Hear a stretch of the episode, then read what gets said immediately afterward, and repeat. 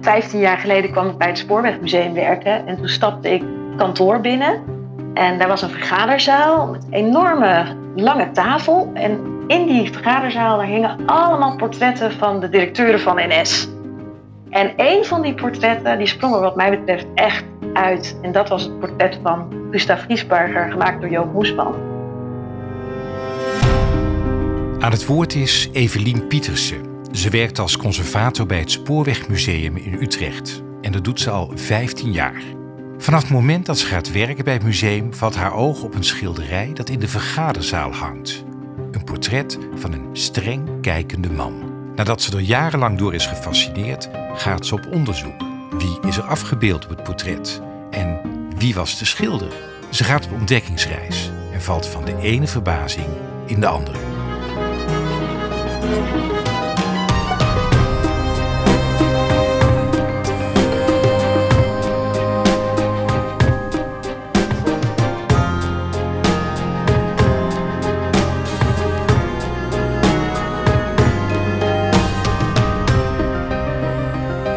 Luistert naar Topstukken, de podcast over de mooiste kunst en cultuur van Nederland. Mijn naam is Albert Verlinde. In elke aflevering praat ik met een expert van een museum of een andere culturele instelling in Nederland en stel ik de vraag: wat is jouw persoonlijke topstuk? Samen met Evelien Pietersen gaan we naar het statige pand van het Utrechtse Malibaanstation. Hier is het Spoorwegmuseum gevestigd. Ze leidt ons naar de plek waar het schilderij staat waar ze al zo lang door gefascineerd is. Nou, dat is een werk van de hand van Joop Moesman, de surrealistische schilder uit Utrecht, uit 1943. En hij heeft daar een van de topmensen bij NS geportretteerd, namelijk Gustav Giesberger. En ja, ik vind het zo bijzonder, omdat het heel erg afwijkt van alle andere portretten die wij in de collectie hebben. Wat is er dan anders aan? De meeste portretten zijn natuurlijk gewoon van een gezicht van iemand hè, en zonder echte achtergrond. En dit portret is uh, eigenlijk Giesberger tot zijn middel. Zie je hem in, strak in het pak met een vest en een, een kettingje met een horloge er, eraan. En uh, hij heeft een dienstregeling in zijn hand. En op de achtergrond zie je het emplacement van Utrecht. Utrecht uh, Centraal en het buurtstation van Utrecht met een aantal stoomlocomotieven. En een grote dreigende lucht op de achtergrond. En dat vind ik eigenlijk wel heel bijzonder. Zo portretteer je eigenlijk niet per se iemand. Ik heb altijd gedacht, wat is dat toch voor man? Waarom staat hij daar? Waarom heeft hij een dienstregeling in zijn hand? Uh, waarom is die lucht zo donker? Het fascineerde me mateloos. Wie was Giesberger? Nou, Giesberger was hoofdexploitatie en chef van de dienstregeling. Zo heette dat echt, chef van de dienstregeling. En uh, hij staat op het schilderij afgebeeld met een dienstregeling uit 1938 in zijn hand. En dat is niet zomaar, want in 1938 introduceerde Giesberger de zogeheten starre dienstregeling. En dat betekende dat vanaf dat moment, vanaf de zomer van 1938, alle treinen in Nederland tenminste elk uur gingen rijden op het vaste moment. Dus acht over het heel, acht over het half. En dat was uniek in heel Europa. En dat haalde ook de kranten. Dus hij genoot enige bekendheid als chef van de dienstregeling met zijn starre dienstregeling. Maar belangrijker nog dat hij in de Tweede Wereldoorlog direct na de bezetting als contactpersoon tussen de Duitsers en de NS werd aangewezen. Dus hij was degene die alle correspondentie bijhield tussen de NS en de Duitsers. En dat is nu natuurlijk een enorm beladen dossier. Hè? Uh, we weten nu, en ik denk toen ook wel, waar die treinen voor reden. Kun je dan zeggen dat hij aan de foute kant stond? Dat vind ik een hele moeilijke vraag. Ik vind het altijd heel lastig om te zeggen die was fout of die was goed. Giesberger zelf geloofde in elk geval dat hij uh, het goede deed. Hè. NS had uh, net na de bezetting besloten, net als heel veel andere organisaties en bedrijven in Nederland, om met de Duitsers samen te werken. En dat deed NS omdat ze bang waren dat als dat niet zouden doen, het bedrijf in Duitse handen zou vallen.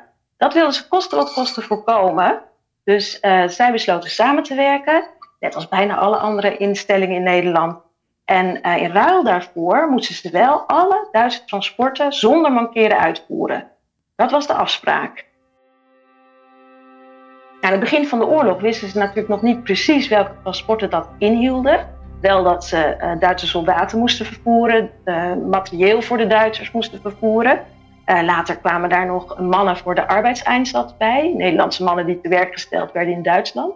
En vanaf 1942 dus inderdaad de zeer omstreden transporten van Joden van verschillende steden in Nederland naar Westerbork, maar ook van het kamp Westerbork naar de Duitse grens bij Nieuweschans. En vandaar werd de treinen overgenomen door een Duitse, Duits locomotiefpersoneel en verder uh, naar Oost-Europa gebracht. Wist Giesbergen dat?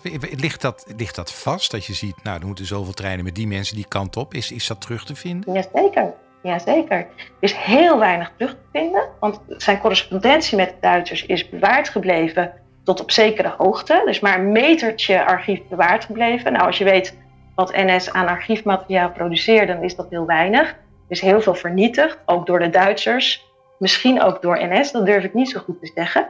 Maar in elk geval is er in zijn archief maar één document waaruit we echt kunnen opmaken dat hij wist waar de treinen naartoe gingen. Hij wist in elk geval dat de treinen naar Sobibor reden, want er is een opdracht gevonden in zijn archief dat er 35 goederenwagens klaar moesten worden gezet voor transport van Kamp naar Sobibor.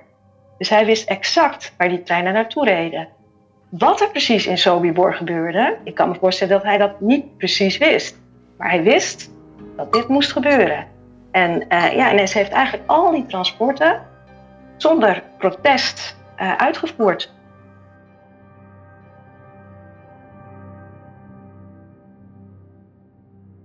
En, en is zich Giesbergen daarna de oorlog op, op aangesproken? Heeft is, is er een zaak geweest? Nou, dat is een hele interessante vraag. Uh, aanvankelijk kwam NS met opgeheven hoofd uit de oorlog. Want ze hadden acht maanden lang hadden ze in, in staking gezeten tegen de Duitsers. De beroemde spoorwegstaking. Ze hadden allemaal het werk neergelegd als uh, ja, ondersteuning van de geallieerde actie Operatie Market Garden bij, uh, bij Arnhem. Daarvoor gaf eigenlijk gaven de geallieerden opdracht aan de Nederlandse regering om dat complete spoorbedrijf neer te leggen en stil te zetten, zodat de Duitsers geen troepen en materieel konden transporteren. Nou, die acht maanden staking maakte dat NS na de oorlog eigenlijk zichzelf nou, ja, behoorlijk op de borst kon kloppen. Het was een organisatie die toch maar acht maanden lang zich tegen de Duitsers had verzet. Dus net na de oorlog waren er helemaal geen vragen over wat heeft eh, NS nu precies gedaan? Welke transporten hebben ze gereden? Waarom hebben ze niet uh, geprotesteerd? Pas in de jaren 50 werd er onderzoek gedaan naar de spoorwegstaking, kwamen er steeds meer gegevens aan het licht. En in 1953 is Giesberger voor het eerst gehoord door de enquête, de parlementaire enquêtecommissie, die onderzoek deed naar het regeringsbeleid tijdens de Tweede Wereldoorlog. En toen is pas voor het eerst de vraag gesteld: hoe zat dat eigenlijk met die jodentransporten? Hoe keek NS daar tegenaan? Wat wist je ervan? Waarom eh, hebben jullie het werk toen niet stilgelegd?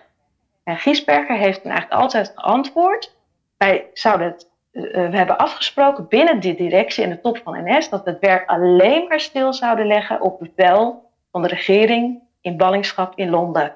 En die zei: doorrijden, dus wij hebben gewoon gedaan wat de regering wilde. Dus hij verschuilde zich eigenlijk achter die regering.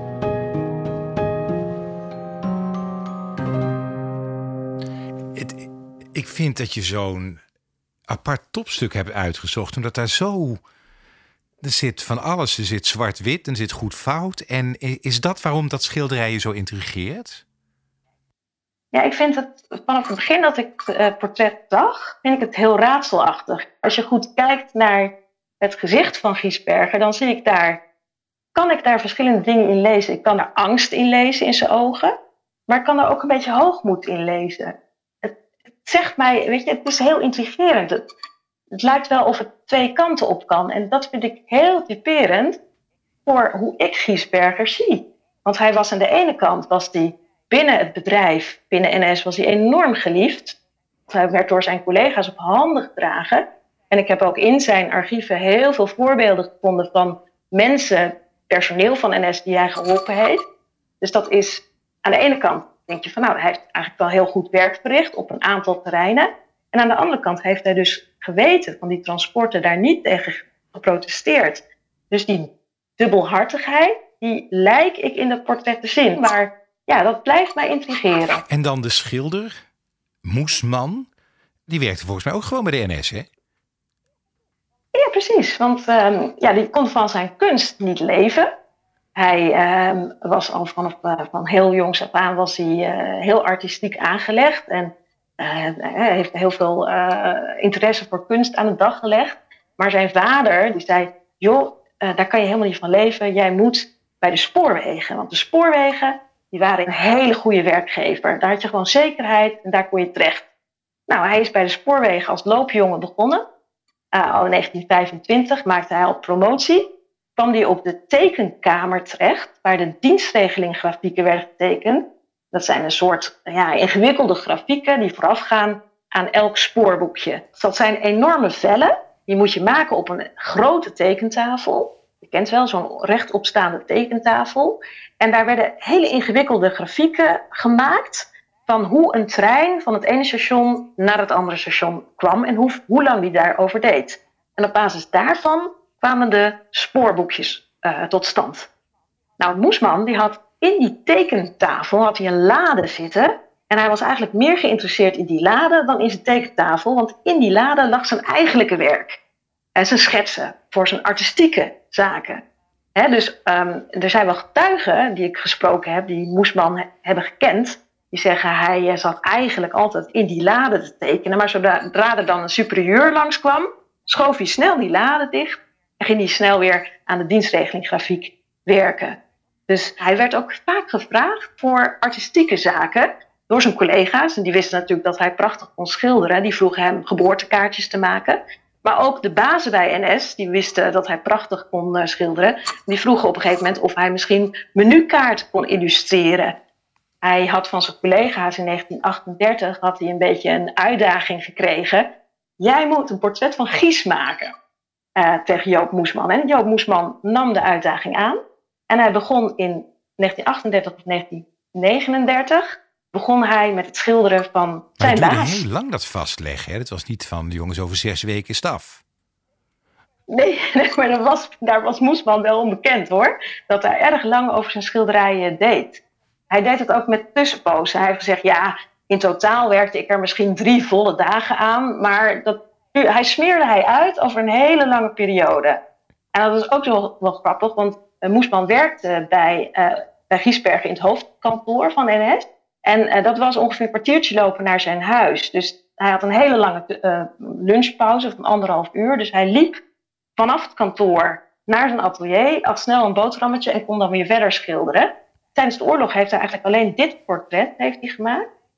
En hij noemt het zijn Utrechtse schilderij. Het enige Utrechtse schilderij dat ook te maken heeft met zijn werk bij de spoorwegen van Moesman dus. Je hebt jarenlang naar het schilderij uitgekeken. Er zit dus een enorm verhaal achter, dat horen we, zowel bij de schilder als, als bij, bij meneer Giesberger. Wat, wat is je nou het meeste bijgebleven van die zoektocht? Want dit is een schilderij vol verhalen. Ik vond het heel intrigerend te merken dat eigenlijk mijn eerste beeld, dat het eigenlijk bevestigd werd. Is het nou een aardige man? Is het nou geen aardige man? Eigenlijk werd dat portret voor mij alleen nog maar raadselachtiger. Want ik ben er nog steeds niet precies achter welke rol Giesberger nou precies speelde. In de Tweede Wereldoorlog is bekend dat hij verbindingsofficier was tussen de Duitsers en NS. Maar wat heeft hij nou gedaan aan verzetsactiviteiten? Ik zou eigenlijk nog veel meer onderzoek willen doen om dat te achterhalen. Maar ja, wat voor mij het, meest kenmerkende is, is dat die raadselachtigheid uit het portret, dat dat eigenlijk doorgaat in het onderzoek.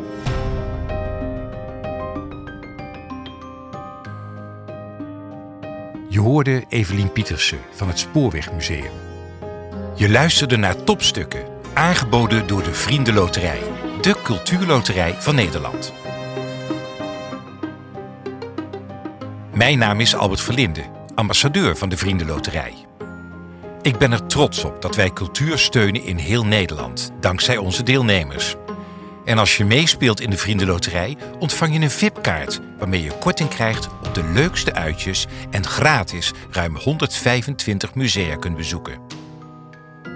Dus ook het Spoorwegmuseum in Utrecht. Benieuwd naar meer mooie verhalen? Abonneer je dan gratis op Topstukken in je favoriete podcast-app of ga naar topstukkendepodcast.nl.